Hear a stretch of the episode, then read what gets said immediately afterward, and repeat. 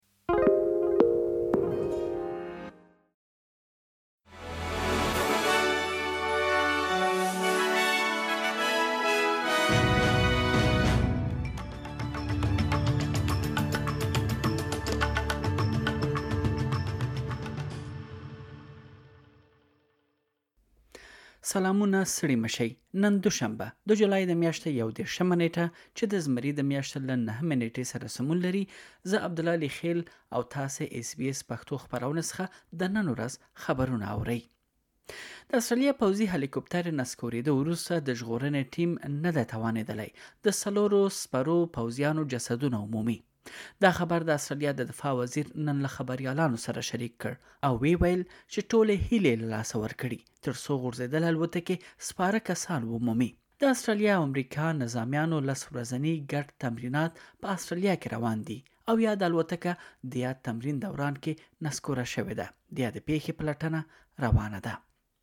بل خبر له پاکستان څخه دی باجوړ کې د مولانا فضل الرحمن د پلویانو غونډه کې چاودنه شوې ده ویل کېږي د وژل شوو شمیر څلور څلوېښت تنو ته رسېدلی دی د خیبر پښتونخوا په مرکز پیښور کې د ژغورنې یا ریسکیو د ریسکیو یو یو دوه دوه ویاند وایي چې د باجوړ په چاودنه کې د وژل شوو کسانو شمیر څلور څلوېښت تنو ته رسېدلی چاودنه د خیبر پښتونخوا د باجوړ ولسوالۍ په مرکز ښار سیمه کې د مولانا فضل الرحمن د جمعیت علماء اسلام ګوند په یوه غونډه کې شوې ده. چارواکو ویلي دي د قربانیانو شمېر ښایي تر دې هم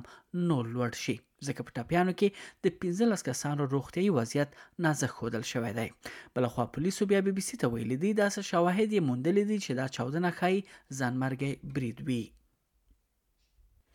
د استرالیا د مهاجرت سیستم د هغې برخې خپلواکه پلټنه شوې ده چې لمخې استرالیا کې میش کسان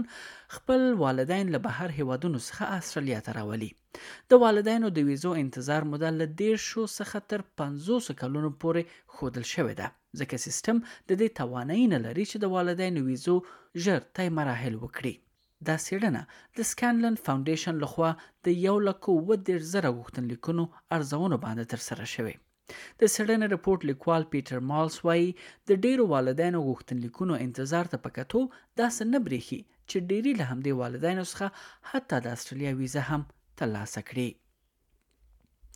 اوکرایني بې پلوټه الوتکو پر مسکو برید کړی دی، یو کس یې ټپي کړی، ودانۍ یې زیانمنې کړې دي او پر یو هوایي ډګر یې الوتنې ځنډولې دي. د روسیې د دفاع وزارت ویلي دي، د یکشنبې په ورځ سهار وختي د اوکراین یو بې پلوته الوتکه په اودینتسو ولسوالۍ کې په هوا کې نسکوره شوې ده او دوه نورې یې په مسکو کې نسکورې شوې دي. دا د اوکراین د بې پلوټه الوتکو د وروستیو بریدونو په لړ کې وروستی دی.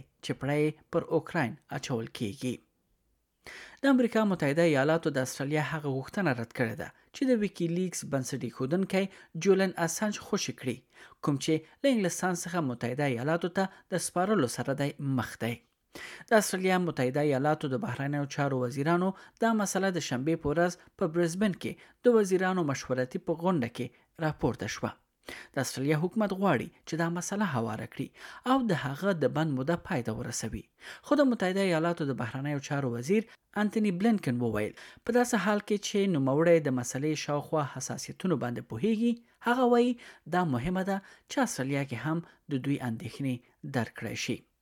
دا و له ایس بي ایس پښتو خپرونه څخه د نن ورځ لنډ خبرونه. لا نور مطالب له ایس بي ایس پښتو ویب پاڼې او فیسبوک پاڼه څخه واورئ.